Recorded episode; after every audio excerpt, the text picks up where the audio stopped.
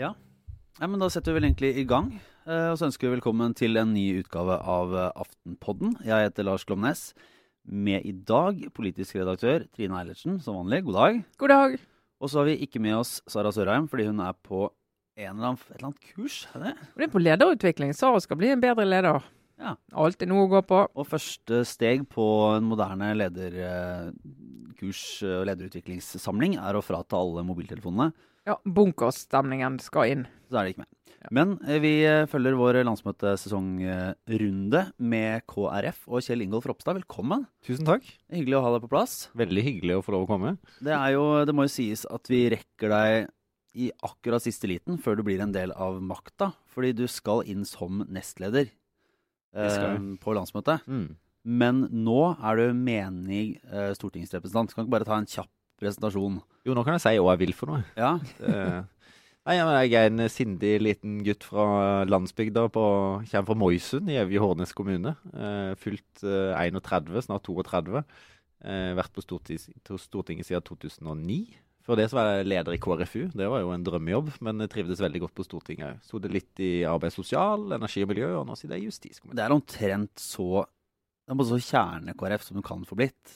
Sånn sørlending, Så, ja. og Det er liksom, det er, det er 100 eh, Det er, men samtidig, du er jo en ung, uh, ung person, og jeg tror mange vil tenke på eldre personer når de tenker KrF, men det kan være Knut Arild har gjort at imaget endrer seg. Ja, ja. Det, det er vel liksom med avisabonnenter. Jeg tror avisabonnenter og KrF-velgere vi har jo den utfordringen at eh, samme når du leser dødsannonsene, så ser du på en måte abonnentene og velgerne forsvinne hver dag.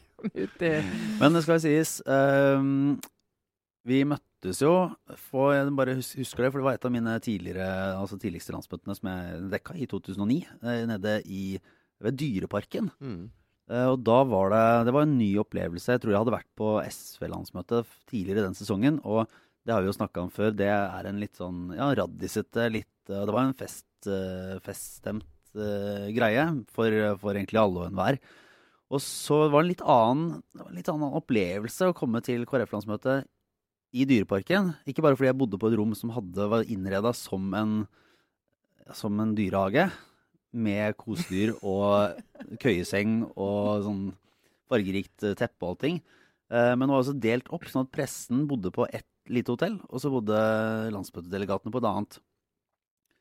Eh, Men da var det veldig hyggelig at når pressen snek seg ned på sitt eget hotell og tok en øl på kvelden der, så krøyp det ned, så kom det noen KrFU-ere ned eh, i jevn strøm, da, og, eh, og slo en prat, og, og hang litt rundt med oss. Og det var, der var jo eh, du blant annet. Ja, det var veldig hyggelig. Det, det var jo Noas Ark-hotellet i, i Dyreparken. Ja, det var eh, litt fra, litt fra hvert slag. Men eh, vi får jo starte med å se Vi skal gå gjennom litt KrF-spørsmål og litt av det som har vært eh, debattene egentlig i det siste. Men eh, Trine, du kom jo, om ikke rett fra Arbeiderpartiets landsmøte, så er det i hvert fall eh, Ja. Det er ikke lenge siden du var der. Nei, det er ikke lenge siden. Det var forrige helg. Da hadde de jo en sånn her, eh, fire dagers eh, happening. Så et landsmøte eh, som jeg tror nok de sjøl er veldig fornøyd med. Det var veldig sånn harmonisk, god stemning. Det vil si at eh, journalistisk så var det ikke så mye å ta tak i, av sånn konfliktstoff i hvert fall. Eh, men de fikk nå vedtatt et program, og de uenighetene de hadde, eh, som vi snakket om på forhånd, det var Lofoten Vesterålen fikk de jo egentlig landet på forhånd, for de gjorde jo den jobben eh, rundt jul. Litt diskusjon, AUF prøvde å få de med på full fredning, holdt jeg på å si. Og tapte med god margin. god margin, det var ikke håp. Og så hadde de en eh, diskusjon om eh, arbeidsavklaringspenger, innstramming av den ordningen der. Tapte partiledelsen, eller sentralstyret, da. Eh, og så hadde de jo eh, asylbarn, eh, EMA, som altså enslige mindreårige asylsøkere. Eh, og i hva grad du skal begrense muligheten for å gi de midlertidig opphold i Norge, da. Eh, og der fant de seg nok et kompromiss som de er fornøyd Altså, som gode kompromisser, så det er ingen som er helt fornøyde, men i hvert fall slapp partiledelsen at de gikk inn for en lovendring og regelendring, mens de som ønsket at uh, Arbeiderpartiet skal fremstå som litt mer liberale i asylpolitikken, fikk liksom inn at de skulle gå gjennom praksis mer, og skulle være mer ressurser på mottakene og, og litt sånn. Vi kan jo spørre Kjell Ingolf etterpå hvor fornøyd de var med det, det vedtaket. Satt du og fulgte med sånn eh, time for time på, på Arbeiderpartiets landsmøte? eller? Jeg burde sikkert gjort det, for det er jo veldig interessant, og det er jo veldig viktig og det som blir vedtatt på sånne landsmøter. Men eh, blir, du blir jo litt mett av landsmøter òg. Sånn at eh, jeg var opptatt med familien i helga. Ja, Rart med det. og, og brukte god tid på det. Men, men var det sånn at du begynte den sesongen med å følge veldig nøye med på Ja, da var det jo Høyre sitt, da. Og så har ja, og det var mer, veldig spennende. Fra, eller var det, ja? ja, iallfall litt. Men det er klart, akkurat Arbeiderpartiet sitt landsmøte er jo litt ekstra. Men media i dag er jo sånn at du får jo løpende oppdateringer, så det er ikke så veldig mye som skal til før du blir oppdatert på de mest sentrale vedtakene. Det Skal sies at eh, jeg tillot meg å bare drite fullstendig i det landsmøtet underveis, og stole veldig på oppdateringene. På liven, ja. Ja, nei, det står egentlig ikke den heller. Ikke den, jeg Sånn at folk kunne lese meg opp i etterkant. Få høre hva du har å fortelle. Ja, ja, ja. Aftenposten livedekningen var faktisk veldig god, den, må jeg si. Jeg var, var strålende. Men, eh, men eh, Nei, og så hadde de jo denne KRLE, og det jo, eh, var jo fascinerende. Det var vel kanskje der Nesten der tonen ble skarpest for å diskutere hvorvidt de skulle ha en K foran dette her RLE, livssynsfaget, eller ikke. Eh, og Der hadde jo eh, programkomiteen og sentralstyret og partiledelsen argumenterte jo for at det skulle de beholde. Eh, og tapte den avstemningen. Og det var jo de første journalistene gjorde da, var jo å ringe til Knut Arild Hareide og kanskje Kjell Ingolf Ropstad. Vi var veldig skuffa. Ja, hva var det? Men Det var jo interessant, fordi at uh, det, var, det, var, en oppheta debatt, men det var jo veldig jevnt. Det var jo var vel seks stemmer overvekt som gjorde at den gikk inn for å fjerne. Eh, så det får en jo i så fall skrive på den positive sida. Men, men, det er jo interessant å se at eh, når vi i 2013 foreslo å gjeninnføre K-en, og, og, ikke bare K-en, for den er jo du kan kalle det mer symbolsk, da, men òg at om lag halvparten av tida skulle brukes på kristendom òg. Og, og, litt av grunnen er jo at i et mer flerkulturelt samfunn så er jo identitet å vite hvorfor landet er som er, hvorfor vi feira påske nå, eh, for noen uker siden, og, og, ikke minst òg forstå det norske samfunnet, så, så, så, er det viktig at det ikke blir praktisert veldig forskjellig om du er på kristne Sørlandet eller, eller mitt, litt mer sekulære Østlandet på hvor mye innhold det er i faget. Eh, og I 2013 så stemte alle partier mot, det var bare KrF som, eh, som ønska endringer. Mens nå var det jo fullt forsvar fra alle mulige rare partier om hvor viktig K-en var. Hva, er ikke det, en sånn, er ikke det sånn vedtak som Arbeiderpartiet De er jo kjent for, å, uh, for at ledelsen taper noen slag på, på landsmøtet, men at, at, ledelsen igjen alltid vinner den krigen. Altså Det er mange ting som har vært vedtatt på et Ap-landsmøte som det har tatt veldig lang tid å gjennomføre. Altså Det legges jo en eller annen skuff. Altså, I hvert fall en sånn ting som dette, som handler om å aktivt fjerne noe. Ja, men, men jeg syns jo det er interessant, da. Altså fordi at um, For det første, det første vi tenker oss som analyserer det, er jo at hvis og det skal jo tilbake til, eh, hvis Arbeiderpartiet og KrF skal på en eller annen måte skal diskutere om uh, regjeringssamarbeid, så er jo den K-en gir de jo de første fem minuttene av forhandlingene og sier vær så god, her er K-en tilbake, ferdig med det. Men det som er interessant med det, er jo denne forflytningen i Arbeiderpartiet. For det var jo, altså De som argumenterte foran, argumenterte jo veldig intenst foran. Og da tenker jeg, altså Hva tror du har endret seg i eh, synet på kristendom i undervisningen de siste årene. Fra at ingen var for det, unntatt dere, til at nå faktisk flere er for det. Jeg syns jo det egentlig er veldig rart. Altså Sånn, sånn jeg kjenner Arbeiderpartiet, så har jo alt det derre nøytralitet eh, så Ta f.eks. friskoler òg. Nå er det klart at det er offentlig-privat-debatten òg, men, men, mye av det derre kristne har jo vært veldig motstander av. Så, så jeg har ikke sett noe sånn tvert imot. Så jeg har tenkt at når jeg har sett på AUF, så jeg tenkte at Arbeiderpartiet kommer til å bli mer og mer ytterliggående i, i kamp mot kalde kristne verdier, da, eller en, kanskje en snever definisjon Sekulære fanatikere. Ja, ja, men det er jo litt sånn. Eh, så, så, så derfor så har jeg tenkt at det er eh, en linje i Arbeiderpartiet som ønsker å tilnærme seg KrF, som har vært hovedgrunnen. Eh, men jeg tror òg at grunnen til at en del andre har begynt å støtte K-en, er jo litt mer i den derre Nå skal vi ta vare på norske verdier og, og, og sette K-en inn som det, da. Ja, for det hvis du så eh, reaksjonen altså Jeg så eh, både Børge Brende og Linda Hofstad Helleland. De var jo raskt ute med å kommentere det her. Og når de kommenterte det på Twitter, så så det ut som om på en måte Norges Arbeiderparti hadde stemt vekk norsk historie og kultur Linda Helleland permanent. Tok på seg, tok på seg bunaden og satte ja, seg foran juletreet. Det var, det, hadde hun hatt bunaden for hånden, hadde hun gjort det. Det er jeg ganske sikker på. Og det, det, ble, det ble, helt sånn overkill da, på reaksjonen. For det var sånn hvor kom det fra? Høyre, de høyrefolkene plutselig løpte av et par og ble så opptatt av det. Da, sant? Og det, da går du inn i denne her... Deilig å være så ettertrakta. identitetsdiskusjoner. da. Ja, det, det er jo det. eh, Men, men samtidig så er det jo krevende. da, for det, Hvis vi skal diskutere samarbeid etterpå, så viser det jo altså, det, det er jo ikke enkelt heller å håndtere den mellomposisjonen som, som KrF har gjennom sentrum. Mm. For at, eh, jeg ønsker jo mest å snakke om de politiske sakene. Hvorfor er KRL er viktig for KrF, eh, mens det blir mer sånn ja, men hva gjorde Arbeiderpartiet og Høyre rundt det, og, og, og spørsmål om alt annet enn om vi faktisk vil gjennomføre. Men var det mm, Jo, jeg lurte på en ting. Jeg, bare hørt, jeg har ikke fått sett eller hørt eh, talen til Jonas Gahr Støre. Som, Mm. eh, han fikk jo en del ros, så vidt jeg kunne forstå, Ja, hva- hva- for, for talen sin, rett og slett. Ja Der han også var tydelig på at, at det var et veivalg for eh, Ja, også for sentrum, da, hva man vil gjøre. Det, han, han dytta jo veldig tydelig på, på da særlig KrF, på, på at eh, her vil dere stå til ansvar for uh, ja, for hele landet hvis dere fortsetter å støtte en, en borgerlig regjering. Ja, han gikk, altså det var, for det var først og fremst, det var en veldig god tale, veldig god politisk tale. Den var sterk, og den var poengtert, og det var ikke noe tåkeprat, og det var eh, prioritert, og ja, tydelig.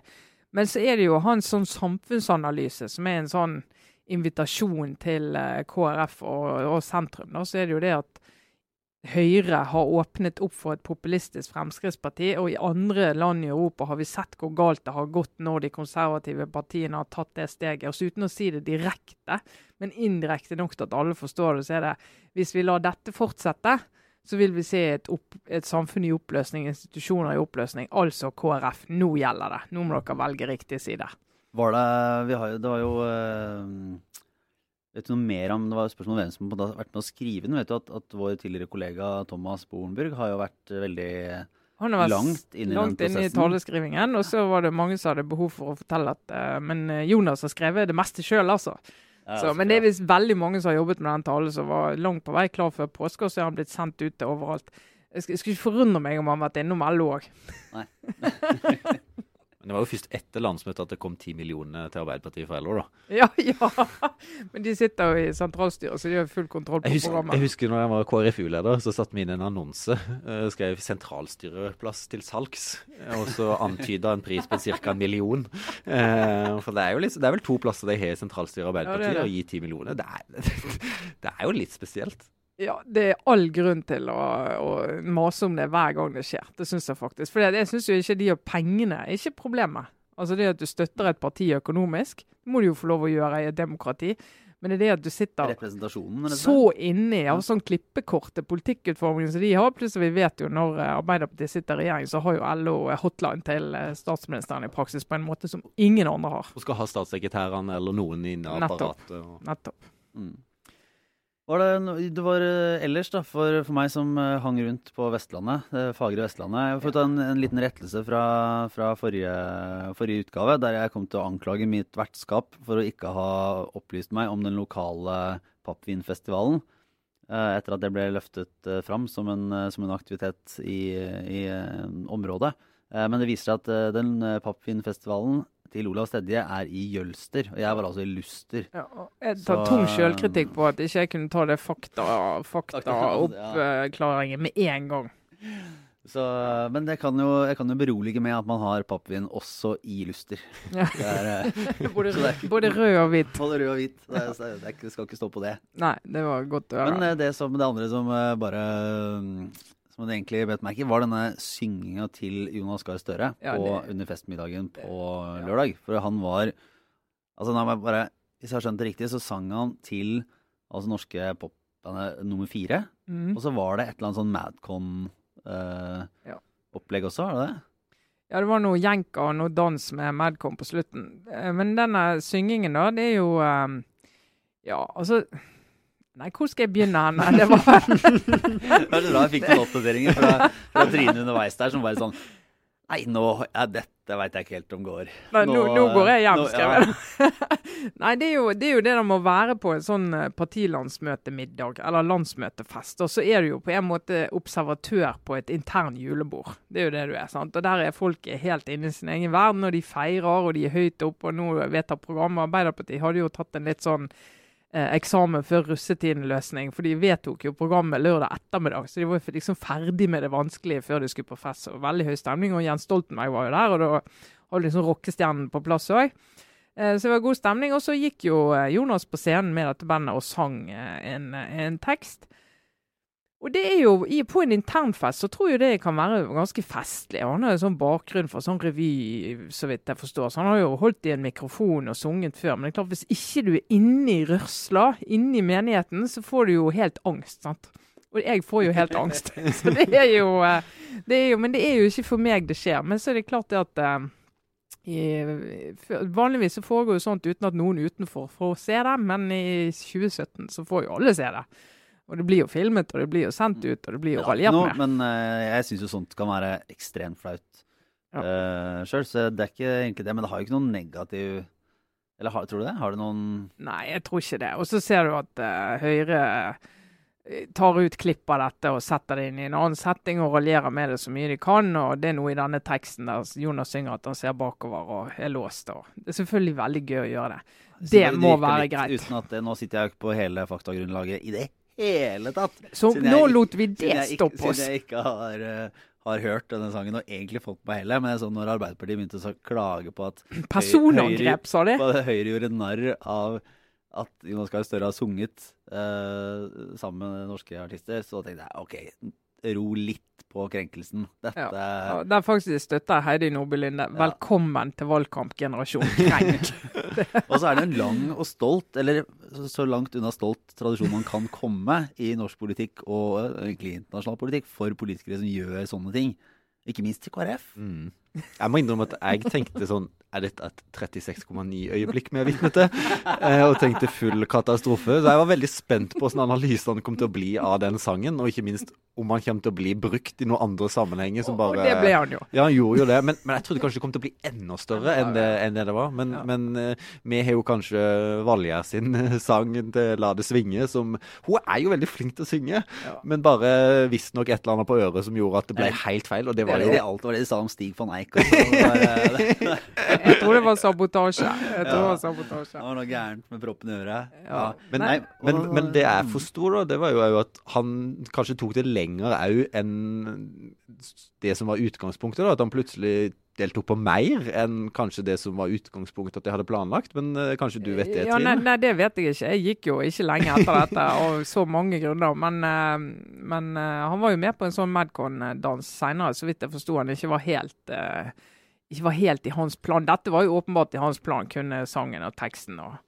sang duett med de eh, jentene. Men uh, Fordi ja. i, ja, jeg vet, det, I KrF det er jo sånn, eh, sånne dansende politikere. Eh, Kjell Magne Bondevik har vært i jeg tror hver eneste sånn uh, Moldejazz-prosesjon siden eh, tidenes morgen, enten han har vært bedt eller ikke. Han har eh, stilt opp og dansa sånn halvhjerta foran. Men det må det vel når du representerer Møre og Romsdal? Jeg tror, kan, ja, jeg tror kanskje det er en Kan ja. men, også, men det var det ikke Det var nevnte så vidt jeg, det var jo en Dagfinn Høybråtens Oløf.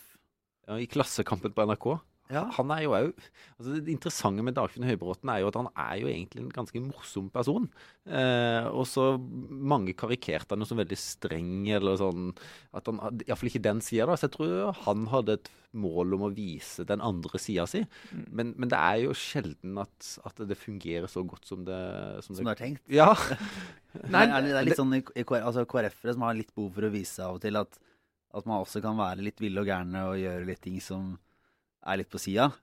Ja, det, det, men, men det er jo veldig sånn frustrerende hvis du får en fremstilling av deg sjøl som ikke nødvendigvis du kjenner deg igjen i. Uh, og det er kjent på sjøl òg i andre settinger. Men, men, og da har du lyst til liksom, ja, men Jeg er opptatt av mer ting og alt mulig. Men, det er som sier her, at det, det blir fort feil. Da, at en lykkes ikke med det heller. Og kanskje politikere skal holde seg mer til, til politikk. Men samtidig så er de ikke flinke til å utfordre politikere til å gjøre et eller annet. Stille opp på det bildet der, eller bare kan du ikke gjøre det. Og så, og så har du lyst til å få oppmerksomhet eller få fokus på en sak, og så, og så, ja, så tråkker du Ja, og og feil. plutselig står du i, en, i et tjern med blå kjole med vann til halsen. Ja, det kan det? jo skje de beste. Altså, det, er jo, det er jo egentlig eh, Det er veldig få som har fått til. Det er litt sånn der Barack Obama Han uh, har liksom naila det et par ganger. Ja. Der ting kunne gå helt eh, galt. Ja. Men uh, Ja, han lykkes jo å få Trump til å stille som president etter å ha Det var drept ham ut. Det var skikkelig vellykket. Backfired. Men der er jo faktisk Knut Arild er jo en av de som har, gjør det mer naturlig. sant? Ja. Altså han gjør, Det blir ikke sånn 'nå skal jeg vise det min andre side'. Han liksom viser den litt sånn gjennom one-liners og Men jeg lurer på, vi, kan, vi skal gå videre til, til eh, KrF-landsmøtet, som, eh, som er i Trondheim nå i helgen. Men det bare lurte jeg på, fordi vi var så imponert også over å se eh, talen til Hareide til Venstre-landsmøtet og, og middagen der. Mhm. Jeg var jo der, og, og de, det var jo en kjempesuksess. Og han er jo veldig morsom. Og så lurer jeg på, er det vanskeligere å være morsom i eget parti? Jeg tror nok, eh, Hvis du spør en del sentrale tillitsvalgte, så har de hørt en del av historiene til Knut Arild før. så sånn sett så er det lettere å komme til vilt fremmede og fortelle de, historiene som, du har, som har funka godt før. Men, men, men Det er var tror ikke noe tilfeldig utvalg. Det var, eh, Nei, men jeg tror det, det er en balanse òg, da. Fordi eh, Knut Arild er jo en veldig morsom person, og han er utrolig artig å være sammen med. Men det er klart, som partileder i hans tale, så kan jo ikke han drive et show på samme måte som han når han var et underholdningsinnslag eller hadde denne her festtalen til, til Venstre. Så, men det som, er, det som er bra med Knut Arild sin tale, tenker jeg, det er jo at han har den der litt lette stilen.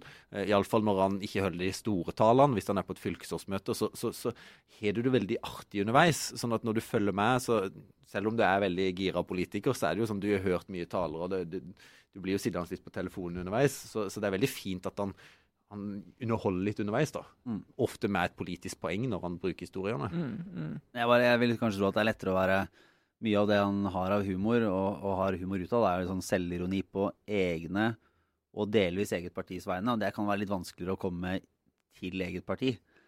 Avhengig av hvordan stemningen er, i hvert fall. Ja, men det, Han gjør som regel det samme i internt ja. òg, så det funker, det. Men eh, under uh, Arbeiderparti-landsmøtet så var leder av programkomiteen Hadia Tajik hun var oppe på eh, talerstolen på et tidspunkt, eller når de skulle oppsummere litt programmet uh, før avstemningen, og så sa hun ja, vi har sittet oppe i hele natt og tidligere i vinter når eh, VG ringte rundt og spurte hva nei, hva politikere som hadde døgnet, så var det kun to som svarte nei, og det var jeg og Knut Arild Hareide. Eh, og nå hadde jeg trodd at dette programarbeidet skulle på en måte kanskje måtte eh, bryte den alliansen med, med Knut Arild og si at nå er det bare du igjen. Men, sa hun, jeg har spart meg. Jeg klarte å stå imot, jeg døgnet ikke. Så jeg har spart meg for deg, Knut Arild, sa hun. nok, det var jo en Nok en gang så sikter ledelsen inn mot, mot et, ja. et godt samarbeid med, med KrF. de, de, ikke engang, de legger ikke skjul på det engang. Hva um, Blir det diskusjon i helgen? Ja, det er klart det. Altså, KrF er jo et sentrumsparti. eh, og det er, jo, det er jo eh, de som er veldig tydelige på at en ønsker samarbeid med Arbeiderpartiet. Mens det er jo de som er veldig tydelige på at det er uaktuelt. Eh, så, så, men jeg har opplevd Vi hadde jo istedenfor sånn som Venstre, som på en måte bekrefta eh, samarbeidsspørsmål på landsmøtet, så gjorde jo vi det i november på landsstyremøtet. Og da sa vi jo veldig tydelig Høyre og sentrum. Eh, og det har jeg opplevd landa veldig godt i partiet, så det har ikke vært så mye støy rundt det. Som f.eks. når vi var i landsmøte, eller på landsmøtet i 2009, Lars. Eh, da var det mye bråk rundt regjeringsspørsmålet, mens nå er det mye mer sånn avslappa stemning til det. Mm. Men var det Eller bare hvorfor eh, Venstre også hadde jo den prosessen egentlig med at de hadde behandla det i landsstyret først, men de ville ta det til landsmøtet.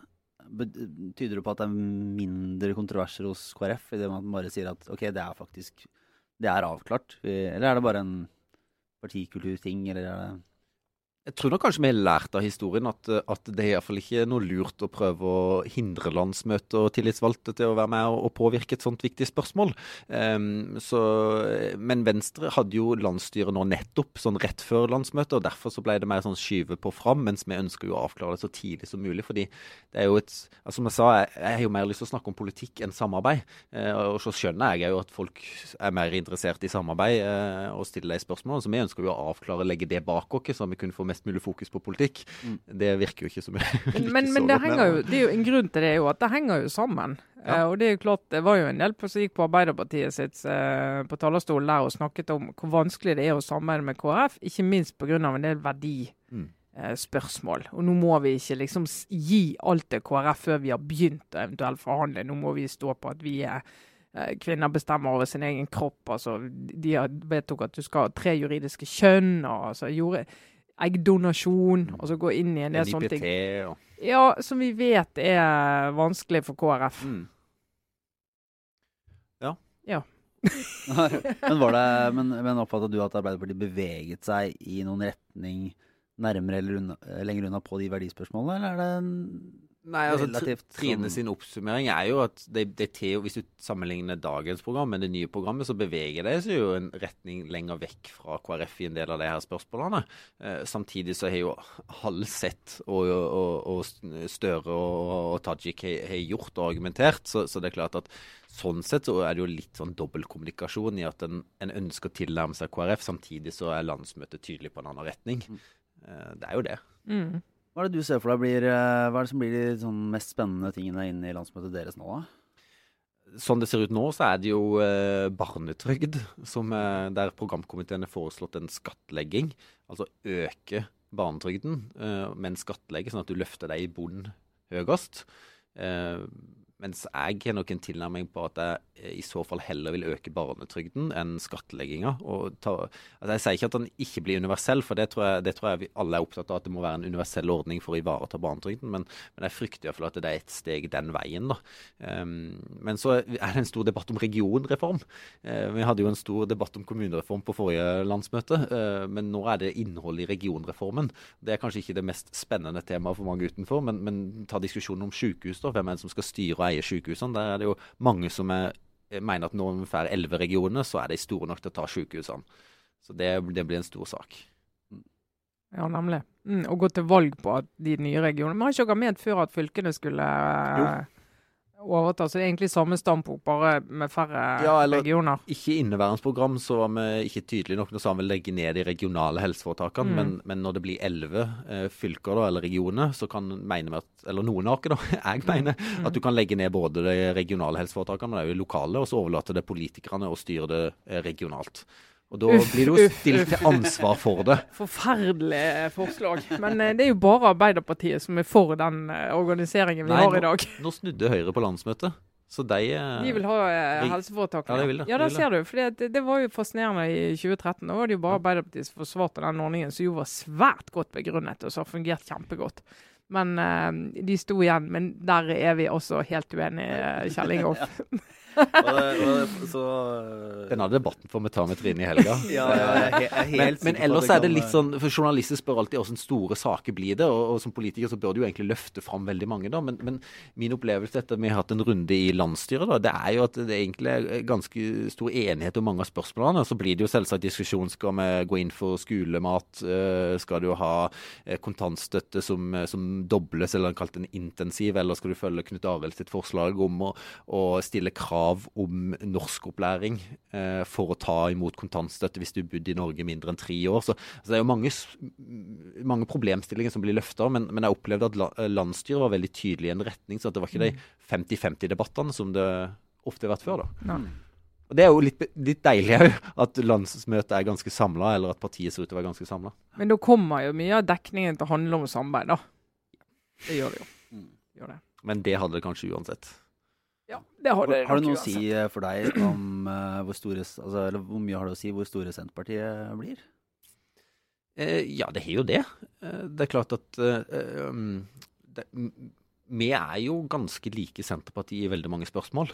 Eh, og sånn sett så Knut Arild pekte jo på, på, Trygve i går som, som statsminister og, og lo godt. men, men, men det er klart, vi i KrF så er jo sentrumsregjeringa fra 97 til 2000 det er jo det du løfter opp, og alle får tårer i øynene og minnes med, med veldig stor uh, glede. Så, så, et sterkt sentrum er jo viktig for oss for å kunne påvirke mest mulig av politikken inn mot sentrum. Det har, jo, det har jo fremstått litt som uh, Knut Arild sitt prosjekt å prøve å samle de tre i sentrum mm. igjen. Etter at Venstre og Senterpartiet har tatt litt forskjellige veivalg, så skal han på en måte prøve å samle de.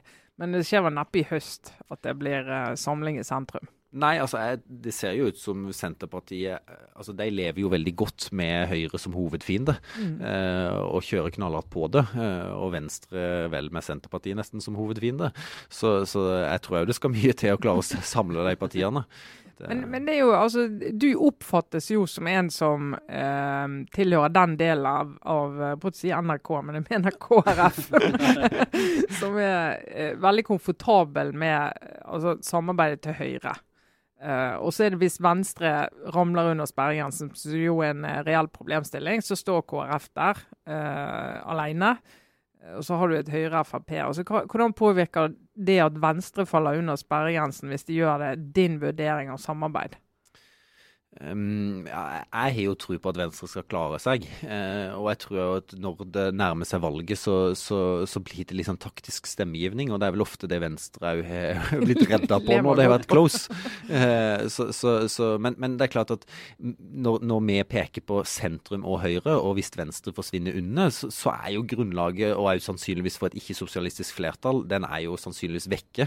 Ja. Så, sånn sett så, blir jo Da blir det jo en helt ny situasjon. Ja. Uh, Eh, men, men, jeg er jo opptatt av at vi skal få et ikke-sosialistisk flertall fortsatt. Uh, og, og, jeg jeg syns òg det i dette vedtaket som er fatta, som skal vurderes på landsmøtet, men sannsynligvis bare bekreftes, da, uh, så har vi jo sagt at vi ikke eh, ser det mulig å gå i regjering med Fremskrittspartiet. Og Det tror jeg egentlig er en grei avklaring. fordi Forrige gang så sa vi jo at vi ønska ikke sosialistisk flertall, og så det som lite sannsynlig å gå i regjering med Frp. Og Etter forhandlingene eller sonderingene så fant vi ut at det ikke var mulig. Og jeg mener at altså Vi fulgte forklaringa til punkt og prikke i 2013, og jeg syns det er på mange måter greit å gjøre det samme nå. Eh, peke på det vi, vi ønsker, og så sier vi mest sannsynlig opposisjon hvis det ikke. Og Det syns jeg er en god tilnærming. Vi skal uh, egentlig videre med en, eller videre etter hvert da, i vårt uh, veldig sånn uh, progresjonsorienterte format her i, i Aftenposten. Men det jeg bare lurte på, er om, om, du har vært med å signere på dette oppropet for å la Sylvi bære korset? Nei, det tror jeg ikke jeg har gjort.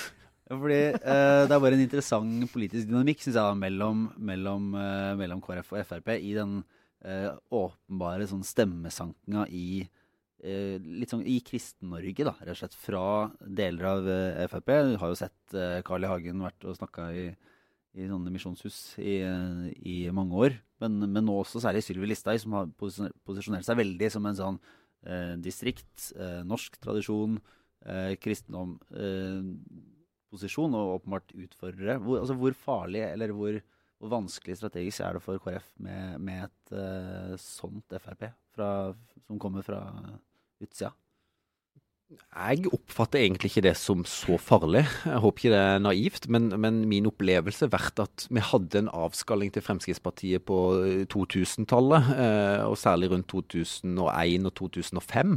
Men, men, men at etter det så har ikke Fremskrittspartiet vært så stor ut, utfordring for oss? Det kan være at den velgergruppa da har, har, gitt opp KrF, eller at det er det som gjør at eh, det ikke er så stor avskalling. Så, så jeg er ikke så bekymra akkurat for den biten. Jeg tenker at vi har større potensial i hva kaller det mer sånn statskirkelige miljøer da, uh, enn en det vi har på de som uh, ofte kanskje blir drevet vel så mye av innvandringspolitikk, eller frykt for, for, islam, muslimer, som at Sylvi gjenger med et kors. Så, så, så, jeg er veldig avslappa på den og kjører knallhardt på, på, min egen politikk. Men det er jo ganske stor La meg si at det er, det er jo Plutselig så er det jo et, et relativt stort problem, i hvert fall det er det merkes i partiet når, når Knut Arild Hareide gjør noe så for mange lite dramatisk som å gå i Pride-paraden i Oslo. Så er det sentrale personer i fylkeslaget der ute som, som, uh, som mener at dette er helt uh, er et svik. Og uh, som, som, nå vil måte, kjempe for å, for å avskaffe ny ekteskapslov. Altså, mm. det, det, er jo en del krefter som som, eh, som, eh, ja, som, er interessant å se hvordan, hvor, hvor, stort spenn det er. Da. Men Det interessante der er jo at det, det, er jo ikke Frp du eventuelt skal gå til hvis du, hvis du tenker noe annet om ekteskapsloven. Eh, eller, altså, for det er dette som er fascinerende. Du kan ta aktiv dødshjelp, du kan ta sorteringssamfunn. altså Hele en rekke der på verdispørsmål er jo Fremskrittspartiet på feil side. Eh, og så har jo vi klart å hatt en allianse med Høyre i en del av de her verdispørsmålene, da, som har gjort at Fremskrittspartiet òg har, har, gått med på det. Men, men jeg det er jo ikke, det ikke Sylvi Listhaug sånn sett som er alternativet. Og, og, Derfor så burde jeg i så fall frykte partiet De kristne eller noe sånt, men, men, men det gjør jeg ikke, altså. Uh, mm. Det er egentlig det er mer sånn prat eller retorikk med med Frp i den Nei, men jeg, jeg, jeg, eh, velgerjakten? Eller, eh, på- Nei, altså, jeg, jeg tror jo det, det er jo absolutt øh, velgere som stender mellom KrF og Frp. Det, det, det, det, det tror jeg òg. Men, men, men jeg opplever at det er vel så mye mediestyrt debatt øh, som det er sånn reell velger... Jeg, jeg tror jeg heller er bekymra for at øh, det er KrF-ere som vil stemme Høyre, eller Senterpartiet, øh, eller Arbeiderpartiet for den saks skyld, øh, enn jeg er at de vil gå til Fremskrittspartiet. Men jeg tror vi går videre til en spalte som jo eh, nå på en måte kommer hjem. Eh, det er eh, den obligatoriske refleksjonen. Ja. Som da for nyere lyttere var Det var navngitt etter et forslag fra KrF om at, om at kvinner som ønsket abort, skulle ha en ekstra liten tenkepause, en obligatorisk refleksjon. Eh, det var det ikke så mange andre som ville ha, men vi har jo tatt det til oss, da. Eh, Vi har, vi har tatt det til oss. Eh, Ja.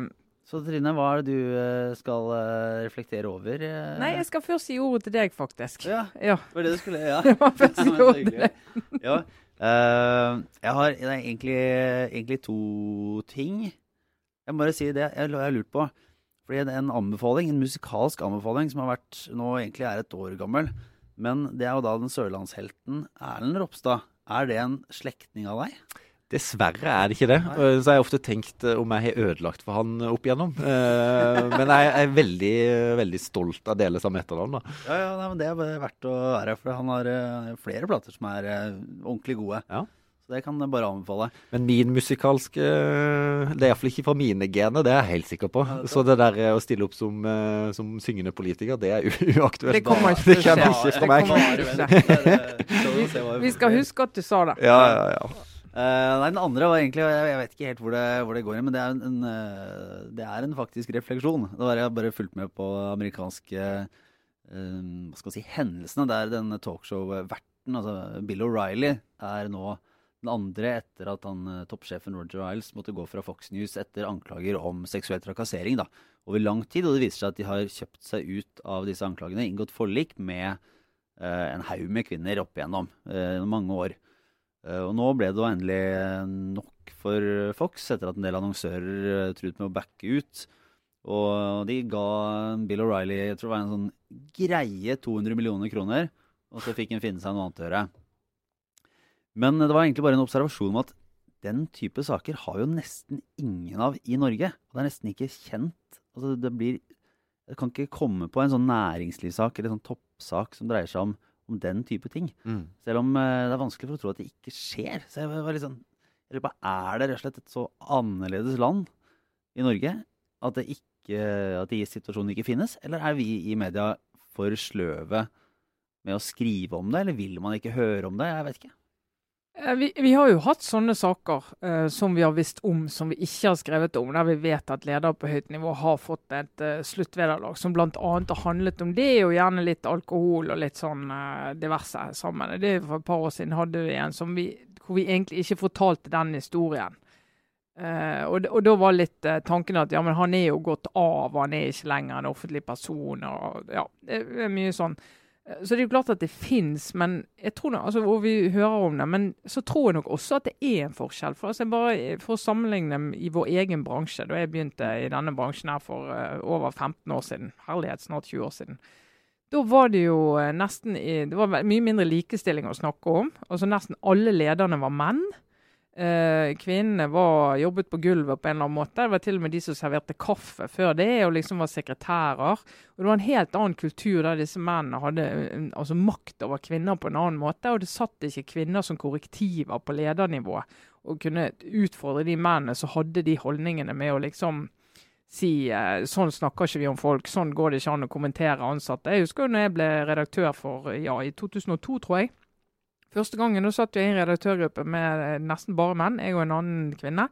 Eh, Og Da eh, opplevde jeg flere ganger at jeg måtte kommentere at sånn snakker vi ikke om kvinner. Det går ikke an. Sånn går ikke an å omtale folk. Og liksom, Med en gang du får eh, likestilling i arbeidslivet, så hjelper jo det faktisk på Mm. holdningene også på ledernivå. da.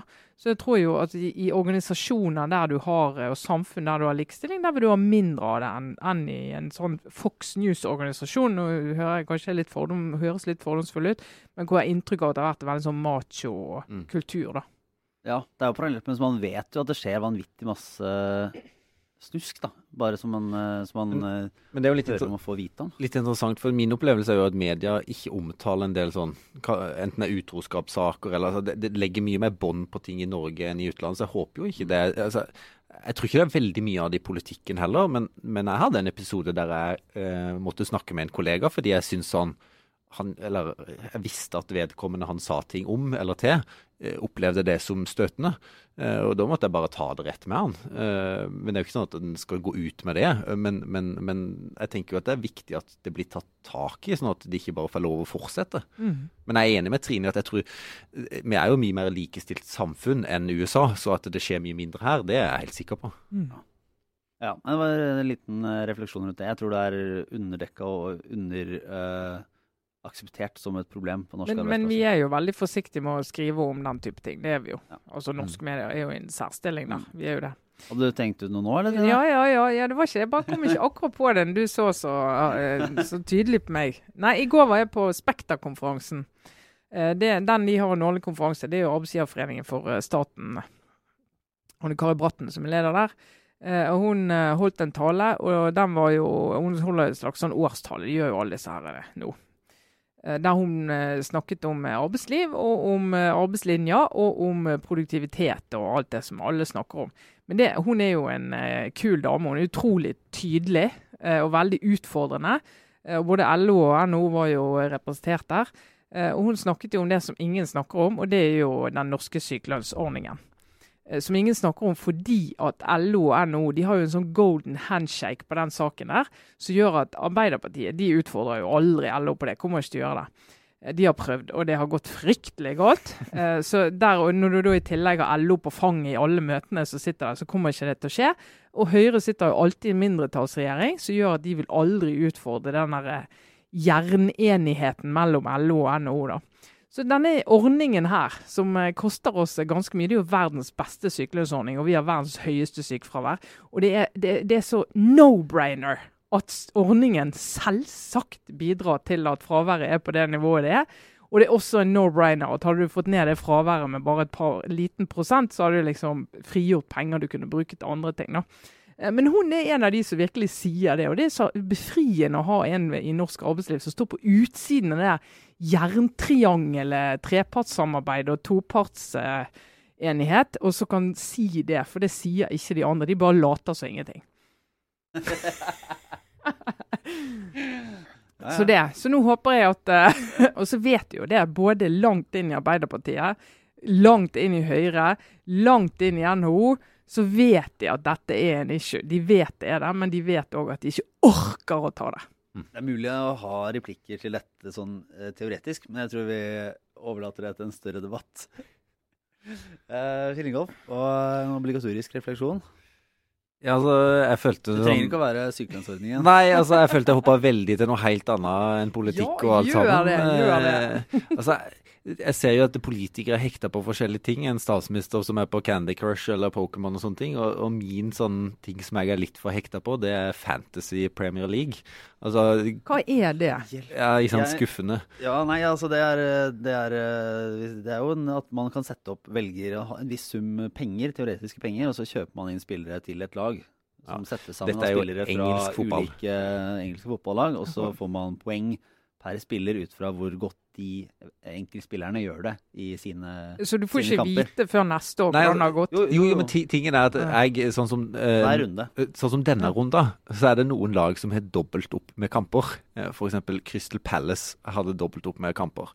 Eh, og jeg er Liverpool-supporter, og så er det jo litt sånn Problemet med tipping, for det er jo en form for tipping, dette her, eller hvem er det som kommer til å gjøre det godt, er jo skal du bruke hjerte eller hue. Og Crystal Palace spilte mot Liverpool. Ja, og det, det som er irriterende med Liverpool, er at vi slår liksom United, Chelsea, Arsenal, de store lagene. Når vi spiller mot dårlige lag, så taper vi. Det er litt sånn som et lag jeg kjenner. ja. Nei, men det vet jeg jo egentlig. Og Crystal Palace skulle spille mot Liverpool. Og så sto jeg skal jeg ta Benteke, som er spissen til, til Crystal Palace. Eh, for han ville da fått dobbelt opp med kamper, og dermed mulighet til å få dobbelt så mange poeng. Så valgte jeg heller Rashford på United. Emosjonelt grunnlag, eller? Ja, kunne, men, men egentlig jeg burde jo bare tatt Benteke. Han er tidligere Liverpool-spiller, det gjør det jo enda verre. Så skårte Benteke to mål. Og han er jo fortsatt én kamp til, da, det er vel i kveld. Eh, mens Rashford han ble benka på United.